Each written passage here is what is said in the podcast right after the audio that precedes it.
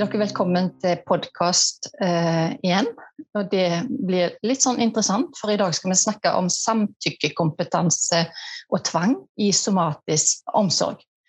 Eh, jeg heter Bente Kvilhausvik og er førstelektor i sykepleie i Høgskolen på Vestlandet i campus Stord. Og så skal jeg få snakke med deg, Stine. Ja, jeg heter Stine Petersson. Eh, jeg er jurist og jobber i Elverum kommune i helse- og omsorgssektoren der. Mm, og så skal vi snakke med deg òg, Tobias. Ja, hei, jeg heter Karl Tobias Pettersen, og jeg jobber som sykehjemsoverlege i Hamar kommune. Mm, det blir spennende. Og så skal vi snakke om et tema som utfordrer både juss og fag og etikk. Og, eh, dette er noe som mange kan kvie seg for å jobbe med. Eh, og som du har nevnt for meg tidligere, Stine, så har det her vært behandla på veldig ulike måter, sånn, hvis en ser tilbake historisk sett. Ja, det stemmer. Det, jo, eh, det, er jo relativt nytt at man har fått eh, et nytt kapittel 4A inn i pasient- og brukerrettighetsloven, der man har det her med samtykke og tvang litt opp i dagen. Og det har også vært ulikt behandla innenfor de ulike områdene. Innenfor psykiatrien eller somatikken f.eks. Så det, det er egentlig veldig positivt at man har fått på plass et regelverk som er relativt likt innenfor både psykiatri og somatikk, og som eh, på en måte skal få de problemstillingene som er litt oppe i dagen. Da. At det ikke er noe man gjør forskjellig fra sted til sted, f.eks. Eller eh, ja. Mm. Men en kan jo gjerne gjøre det litt ulikt fra sted til sted, eh, for det er jo noe med den begrepsbruken. Ja, det er nok, som du sa innledningsvis, noe som utfordrer mange. Eh, enten fordi at de føler seg utrygge på, på jussen i det, eller i faget. Hvordan skal man gjøre dette her? Det er ikke noe vi håndterer så ofte. Eh, og så kan det være litt sånn at man kanskje ikke opplever at, at de reglene som finnes, er nyttige. At de ikke får det til å fungere i praksis. Eh, så kan det være kanskje noen som ikke kjenner til reglene. Så, og det er også litt sånn det er en del begreper innenfor det området her som vi sikkert kan komme litt tilbake til, som, som kan skape litt misforståelser. Eh, mhm. og litt myter og sånn. Det er f.eks. veldig mange som snakker om det med å bli fratatt samtykke, som om det er noe man kan ta fra noen. Men det, det er jo en, en, evne man har, at man kan samtykke. Eh, og hvis man og som noe, et helsepersonell kan se på og vurdere om du har den i behold eller ikke. Så Det er en veldig annerledes måte å se det på enn at man blir tatt fra noe. Mm. Mm. Hvordan eh, tenker dere at det eh, utspiller seg i eh, et bestillerkontor eller tjenestekontor, eller? Ja, sånn som der jeg jobber, som jo er et, et vedtakskontor eller bestillerkontor, eller hva man skal kalle det, eh, så bruker vi jo ikke samtykkevurdering direkte. ikke, Det er ikke det vi holder på med. Vi fatter vedtak om tilbudet om helse- og omsorgstjenester. Og så er det noen andre nærmere pasienten er i, i, drift, som vi sier, som, som, må ta stilling til om pasienten er i stand til å samtykke til, til det tilbudet de får. Da. Mm. Mm. Så vi bruker det ikke direkte hos oss, men vi er selvfølgelig veldig klar over hvis noen eh, hvis man er inne på et område der noen mangler samtykkekompetanse, så er vi veldig involvert i, i hvordan man skal gå frem da. da. Og så er det noe som sektoren for øvrig har veldig mye spørsmål om, og som eh, bistår mange med til daglig. Så det får du en del spørsmål om. Ja. Mm. Eh, men du Tobias, du eh, eh, er kanskje mer i berøring med det? Altså om personer har samtykkekompetanse eller ikke? Ja, absolutt. Vi må jo alltid vite om pasienten som skal få helsehjelp faktisk samtykker til helsehjelpen. Eh, skal jo ha eh, All helsehjelpen baserer seg på informert samtykke. Skal både ha fått informasjon og på eh, riktig vis, kan man si, sånn tilpasset til den enkelte pasient. Mm. Eh, og vi må vite at pasienten kan eh, ta et valg på, eh, som er eh, tilstrekkelig godt informert, og, og at pasientene har forståelsen osv. for å kunne sette seg inn i konsekvenser og sånt for valget. Hvis en ikke har det, så kan vi må, må vi ty til det regelverket som vi kommer til å snakke om da, for å uh, eventuelt få gitt uh, helsehjelpen hvis det, disse kriterier er oppfylt osv. Mm. Så vi, vi, må jo ja. ja vi, vi, må jo stadig gjøre vurderinger av samtykkekompetanse i, i den måten. Mm. Og da tenker du både eh, i forbindelse med innleggelse i sykehjem f.eks., og i forhold til behandling og eh, omsorgsoppgaver som eh, f.eks. sykepleiere har overfor pasientene? Ja, i forhold altså det er jo den som uh, gir helsehjelpen, vanligvis, da, som skal uh, uh, vurdere om pasienten har samtykke i forhold til det mm. som ytes. men som lege er jo involvert i alle situasjoner der det er snakk om medikamenter, og der det er snakk om eventuell tilbakeholdelse. Hvis pasienten finner ut at den har ikke lyst til å være i, på sykehjemmet lenger, er på korttidsplass og vil hjem, Mm. Uh, og vi mener det ikke er uh, forsvarlig, så vil det jo uh, være nødvendig å vurdere om pasienten da har tatt et eh, informert valg om å reise ifra, eller om ikke er i stand til det. da. Ikke har samtykkekompetanse i forhold til det. Da mm. ja, blir det nye vurderinger på andre ting. Ja, det vil jo være en del problemstillinger i forhold til det. F.eks. hvis det er en person som ikke kan ta seg hjem sjøl. F.eks. Ja, eh, men f.eks. en pasient som ikke er oppegående, da, ligger i seng, vil jo ja. selvfølgelig trenge hjelp til å komme seg hjem. Men, eh, men det å nekte en det, da, på en måte nekte en den hjelpen, hvis det er sånn, vil jo i like stor grad være å tilbakeholde pasienten som hvis en kunne gått ut døra og gått hjem sjøl. Mm. Så da vil en ha plikt til å sørge for at personen får lov å eh, ta det valget? Mm. Mm. Hvis en eh, ja, kan ha et informert samtykke, altså har muligheten til å gi et informert samtykke til behandlingsopphold, da, og ikke ønsker det, på en måte, så må jeg respektere det, ja. Så kan en ikke fortsette behandlingsoppholdet i, i institusjonen. Mm. Det er jo en av de tingene som er litt sånn Det vi snakker om at det kan være litt uklar begrepsbruk her, er jo at når vi snakker om samtykkekompetanse, så mener vi også kompetansen til å si ja eller nei. Ja. Så, så et informert samtykke kan både være at man etter informasjon har eh, sagt ja, eller det kan også være at man har sagt nei, da. Skal, begge deler skal på en måte man har mottatt informasjon i forkanten av, for å, som Tobias er inne på, at, at, man da skal være informert på en måte som man forstår og er i stand til å ta inn over seg, før man eventuelt sier nei takk til behandling også. Mm. Det, mm. Og det er en jo ikke alltid. Nei, det er jo ikke alltid det. Eh, det er jo det kan sikkert Tobias si mye mer om hvordan man gjør praktisk, men det med evnen til å samtykke eh, Det å ha, inneha den evnen, det innebærer en god del ting. Det, man må jo kunne forstå forstå sin egen situasjon eller informasjon man blir gitt. Og så krever man jo det er noe som heter FARV. Det, med, det er en sånn forkortelse for at man kan forstå.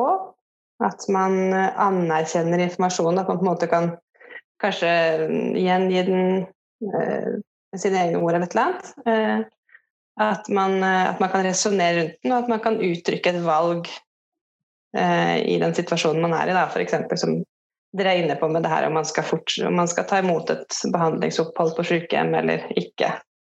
At man mm. kan uttrykke det valget. Dette med anerkjenne, eh, der pleier vi å tillegge at at det er en forståelse egentlig for at det dreier seg om en sjøl. Mm. Ja. Eh, på en måte en eierskap til, mm. til problemet eller tilbudet og behandlingen. Da. Mm. mm. Men så forstå, det ville kunne være greit å kunne forstå at antibiotika kan virke mot en infeksjon, rett nok, men hvis en ikke anerkjenner at uh, du har bruk for den, akkurat jeg har bruk for den antibiotikaen for å mm. overleve, f.eks. Mm. Mm. Så ja. De går veldig opp i en anerkjenne og forstå begrepene, men mm. det er omtrent sånn skille, da. Ja. Mm. En må jo da inna alle de fire bokstavene eh, for å ha en samtykkekompetanse. Mm. Ja. Eh, hvordan har det vært historisk, tenker dere? Eh, hvis en ser tilbake en del år? Hvordan har dette vært praktisert? Ja, hvis Tobias praktiserte for en del år siden, så hadde han kanskje eh, hatt et helt annet synspunkt på det her med pasienten sin autonomi og selvråderett. Det hadde da hadde de vel en sånn syn om at eh, legen skulle få ta de tunge avgjørelsene, så pasienten slapp det. Mm. At det ansvaret skulle ligge hos eh, legen og på en måte vite de tingene og, og ta de tøffe valgene. og Skulle ikke bekymre eller belemre pasienten med sånne vanskelige ting. Mm. Eh, som en helt annen holdning enn det vi har i dag. Da. Ja, og det kan jo gjelde sykepleiere òg, og mm. andre i eh, helse- og omsorgstjenesten. Mm. Det derre ja. det omsorgsønsket og det hjelpeønsket som kanskje kan eh, føre til at man føler selv at man vet hva som er best for pasienten, og så tenker man at det som er best for pasienten, er det pasienten burde ta imot, og så, og så har det ført til at man da har overtalt eller, eller delvis måtte manipulert pasienten til å ta imot det man mener selv er riktig for pasienten. Da. Av en veldig sånn godhetstanke, men som vi kanskje nå ser at det er ikke helt i tråd med den etikken, da.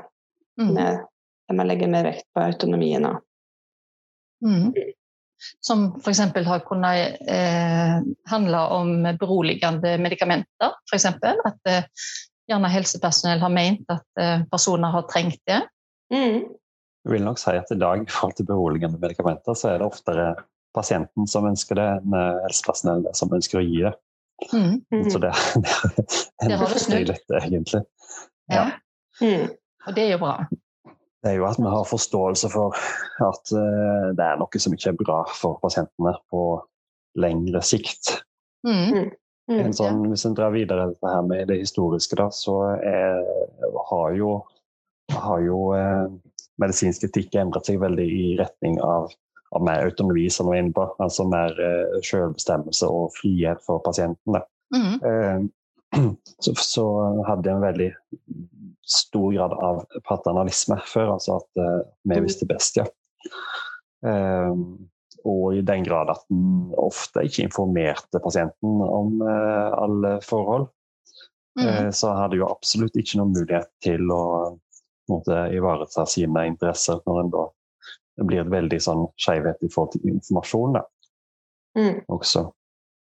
Ja. Så det er jo en uh, viktig del av dette her, da. At man faktisk ja, det med informasjon? Gir, gir dette av informasjon som er nødvendig for, for beslutningsprosesser. Mm. Og så uh, Når en snakker med særlig de aller eldste pasientene, så er det ganske ofte at de måtte fortsatt har samme pasientrolle da, som det ja, de hadde når de var yngre. Da. Altså at, mm. at de veldig ofte overlater veldig masse medisinske beslutninger da, til helsepersonell. At ja. de ofte ikke uh, uttrykker noe jeg ønsker i noen særlig grad. Men uh, nei, du får bestemme sånn. Du vet best. Og ja, det er det mange som sier, altså. Det er for så vidt uh, greit, det òg. For mm. bare gi dem den informasjonen som de ønsker. Og på en, på en måte mest mulig ja, mm. av det de kan godta ta imot. Så eh, hvis de da syns det er greit at vi tar valget for dem og informerer og forteller litt om hva som kan se for fordeler og ulemper med det, så, så, er det jo greit nok, det. Da har de på en måte samtykke til det eh, beslutningen som vi har presentert. Da. Mm. Der er du inne på noe med det at man trenger ikke nødvendigvis å presentere dem for eh, siste medisinske forskning eller alle de alternative legemidlene eller eh, osv., men at man kan snakke heller om måte, hva, hva, er viktig for deg, som vi snakka om sist, Bente. Det, mm. Er det viktig for deg å leve lengst mulig lenge, hjemme?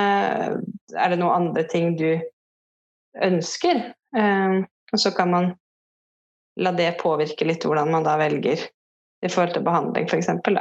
Ja, og hvordan en velger å informere. Mm. Mm. Jeg bare kommer på en sånt eh, litt sånn skal, jeg kalle det for litt skrekkeksempel fra uh, når jeg gikk i min sykepleierutdanning, som begynner å bli veldig mange år siden. Eh, så var det på en kirurgisk avdeling, det var ikke i Norge engang, eh, det var i Sverige. og der var det en eldre person som hadde fått det var påvist at den hadde en alvorlig sykdom, men der legen valgte å ikke informere personen om, om at den var syk. Mm. Hva det var som feilte vedkommende. Ja. Så det er jo eh, stor forskjell ifra hvordan vi tenker i dag. Sant? Jeg håper det. Ja, det tror jeg. At vi har, vi har, snudd helt eh, og, og, tenker mer at nå, nå skal personen sjøl skal, skal, ha eh, informasjonen og skal få vite om eh, ja, muligheter og problemstillinger sånn sett òg, og, og, og, kunne ta valg, som dere sier. Mm. Mm. Så, så, det, har skjedd ting. Det har det i alle fall. Eh, du, du, snakket noe om det her med jussen for øvrig, Stine. Eh, det begrepet, hvis en tenker sånn det med samtykkekompetanse, ja. Eh, ja. Ja, det kan jo sammenlignes med andre ting i jussen. Um, fordi det handler egentlig om at helsepersonell Hvis ikke helsepersonell har samtykke til å gjøre noe mot deg eh, Du kan tenke deg en kirurg som ikke har ditt samtykke til å skjære deg opp. Så er jo det, det er jo det en straffbar handling. Så de er jo avhengige av veldig ofte det samtykket for å gjøre den handlingen lovlig, da, kan du si. Mm. Eh, det informerte samtykket. Og så kan man jo se for seg at okay, men hva om det samtykket nærmest ikke er gyldig? ikke sant? Altså det, eh, man kan ikke bygge rett på det, som vi sier. Det, personen innehar ikke evnen til å samtykke. Så uavhengig av om personen sa ja eller nei, så skal du ikke måte, legge vekt på det. Eh, du kan ikke bruke det som unnskyldning til å skjære vedkommende opp. da. Mm, til å operere, tenker du på? ja. For å si det litt enkelt. Ja. Eh, og det blir litt sånn sammenligna som andre ting i livet. At hvis, vi, hvis eh, jeg inngår en avtale med en person som jeg ser at helt sånn åpenbart ikke forstår hva det er vi holder på med, eh, så ville det vært veldig urimelig av meg å kreve at den personen skulle gjort det vi avtalte etterpå. Jeg visste at jeg lurte vedkommende. Jeg visste at at eh, jeg var i en posisjon der jeg visste mye mer og, og hadde på en måte kanskje mer profesjonelle sammenhenger, mens vedkommende kanskje ikke var ja, knapt i stand til å ivareta seg sjøl. Eh, og så skulle, vi skulle de plutselig betale meg 100 000 for en, eh, en liten filleting, f.eks. For eksempel, fordi jeg hadde lurt den til å gjøre det. Mm. Eh, det ville vi aldri godtatt. Eh, Nei, fordi at man ville på en måte forstått at ok, men det her var jo lureri fra deg. og og sånt kan vi ikke holde på her i vårt samfunn. Og sånn er litt samme tanken egentlig med samtykkekompetanse. At, at vi kan ikke unnskylde helsepersonells handling da, ved at noen har samtykka, når man skjønner at ikke de evner å gjøre det. Mm. Mm. Satt litt på spissen. Men det er ja. viktige unntaket, eller altså forskjellen, at uh, her gjør vi det alltid i Det har på en måte historisk alltid vært i i pasientens antatte interesser. Mm. Mm. Men uh, det er jo ikke da tilstrekkelig. Det vil jo kunne ha skadelige konsekvenser, en del ting vi gjør. Mm. Mer og mer i moderne medisin, egentlig. Så Ja. Mm. Eh, det har mm. bivirkninger, og en eh, får ettervirkninger av uh, operasjoner og behandling og sånt, som en må ja, leve med, eller Ja. Ja, altså Hippokrates er jo litt utdatert, f.eks. Altså, dette her med å ikke skade. Så eh, skader vi jo faktisk med veldig masse av det vi gjør, men hun mener at eh, det vi gjør er i sum bedre enn å la være. Mm. Sånn f.eks. å skjære opp folk, da, hvis de har Altså en gjør, en gjør eh, Opererer en blindtarm, da, f.eks., så, så ja. så, skader jo eh, vev òg. Ja. Selv om det er nødvendig for å overleve, så, og netto er veldig positivt, da, så, så, er det samtidig skade som skjer. Mm. Ja. Eh, og når er det personer mangler samtykkekompetanse? Hva, hva, hva, situasjoner er det dere ser at, at en person kan mangle samtykkekompetanse?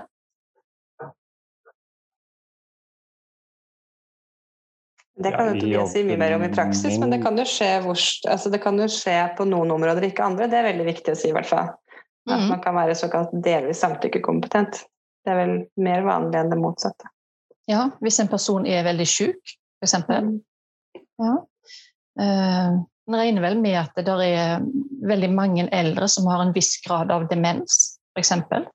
Mm. Og at det kan påvirke hvor samtykkekompetent en er.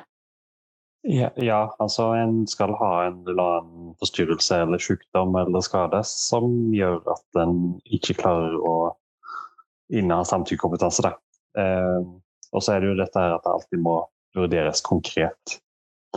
Altså mm. at eh, vi vurderer samtykkekompetansen i forhold til om du får forståelse for at en trenger å vaske seg iallfall en gang i veka eller noe sånt, f.eks. Sant? Mm. Um, men det er jo vanlig, som du var inne på nå, at en uh, uh, blir litt mer glemsk, og at en har en dårligere mental funksjon da, med høy alder uten at det er noe demens, men at det er helt hvis det er helt aldersadekvat, på en måte. Hvis det er helt sånn mm. forventa sånn, uten at det er noe sykdom eller noe som ligger bak ingen mistanke om noe sånt, så vi er helt nødt til å gi informasjonen på en tydelig og forståelig måte og tilpasse det til den enkelte. Og ehm, så er jo vedkommende samtykkekompetent, da. Mm. Selv om en har kanskje vansker med å forstå en, en litt komplisert problemstilling, da. Ja, og da er jo en litt inne i det der eh, begrepet som heter helt literacy eller det å klare å forstå. Eh, så, så, det er jo på en måte en måte å gjerne kommunisere ut ifra den forståelsen sant, som dere snakker om. Eh, at eh, en må ta den der vurderingen og eh, òg på en måte høre hva eh, resonnement som kommer fra personen sjøl når vi snakker i lag. Eh, sånn at en, en, kan kjenne etterpå og eh, ja, ta en vurdering på har, har denne personen forstått hva jeg har sagt, sant? og hva dette innebærer. Mm. Mm. Så i noen situasjoner vil det jo være å, at en er nødt til å gjøre informasjonen så enkel som overhodet mulig, rett og slett. Ja. Mm. Forenkle ting og liksom få tak i essensen. Altså, kan ikke kreve forståelse for alt mulig, mm. rett og slett. Mm. Men at en likevel vil kunne forstå konsekvensene av trenger ikke forstå hvordan medisin virker, det er jo egentlig ofte ikke så mange som gjør. Så, men, eh, men jeg må kunne forstå konsekvensene av å bruke den og, og, og av å la være, f.eks. Mm. Ja for, ja, forstå, forstå, konsekvensen på sitt nivå, ikke sant? Mm. Mm. Mm. Ja, er det kun leger som kan vurdere samtykkekompetanse? Jeg var inne på det i stad. Altså, det er jo den som yter helsehjelpen, som eh, vurderer samtykkekompetansen. Ja. Eh, men det er visse spesialregler, skal si. At det som dreier seg om, om eh, medikamenter og og sånn, det er jo altså, det er fordi at det er legens ansvar, det er medisinene som pasienten får. Så er det, så er det legen som kan eh, eh, vurdere samtykken i forhold til det, og, og samme da med eh, ja, Det er kanskje litt sånn unntak, da, men eh, i forhold til tilbakeholdelse i institusjon, som kreves det legevurd at en lege vurderer samtykke og, og fatte vedtak i forhold til tilbakeholdelse hvis det, hvis det er nødvendig. Mm. mm. Men sånn som i en, i en, eh, sykehjemsavdeling, mm. sånn som der du jobber nå, eh, hvordan er eh, hva skal jeg si, dialogen i personalgruppa i forhold til denne typen eh, problemstillinger? Er det, er det noe dere snakker om imellom, Ja. dere personalet imellom?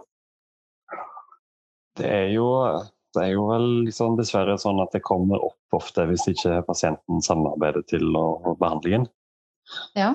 Eh, det, og det, hvis det kun er oppe da, så er det jo for sjelden. For det er jo, det er jo eh, fullt mulig å ikke ha samtykkekompetanse, og kanskje til og med hadde hatt et annet ønske hvis en hadde hatt samtykkekompetanse. på en måte, At en kan være at pasienten aksepterer mer bare, ja, litt pga. gamle holdninger, f.eks. Mm. Um, Og litt pga. Institu institusjonalisering, som kan sitte litt i veggene ja, ja. i en avdeling, f.eks. Ja. Og det er jo Mm. viktig for eksempel, at pasienten må forstå at en har et valg. Det er jo egentlig ikke gitt. Hvis pasienten ikke skjønner at her er det noe som vi kan velge sjøl, så, så Eller hvis en ikke skjønner det, så eh, kan en jo bare godta å bli med på ting som en ellers ikke hadde sagt ja til. Mhm.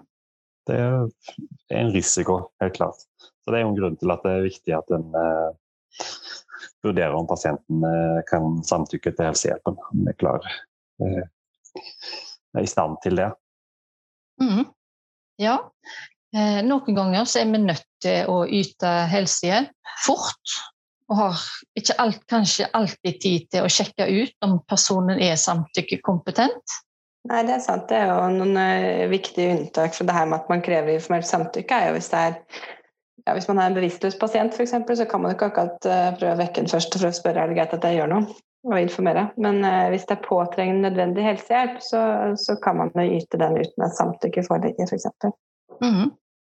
Det er jo en, en høy terskel, da. Så det er en Det er jo, vanskelig det er jo typisk sånn medisinske nødsituasjoner og eh, Mm. trafikkulykker og den typen situasjoner.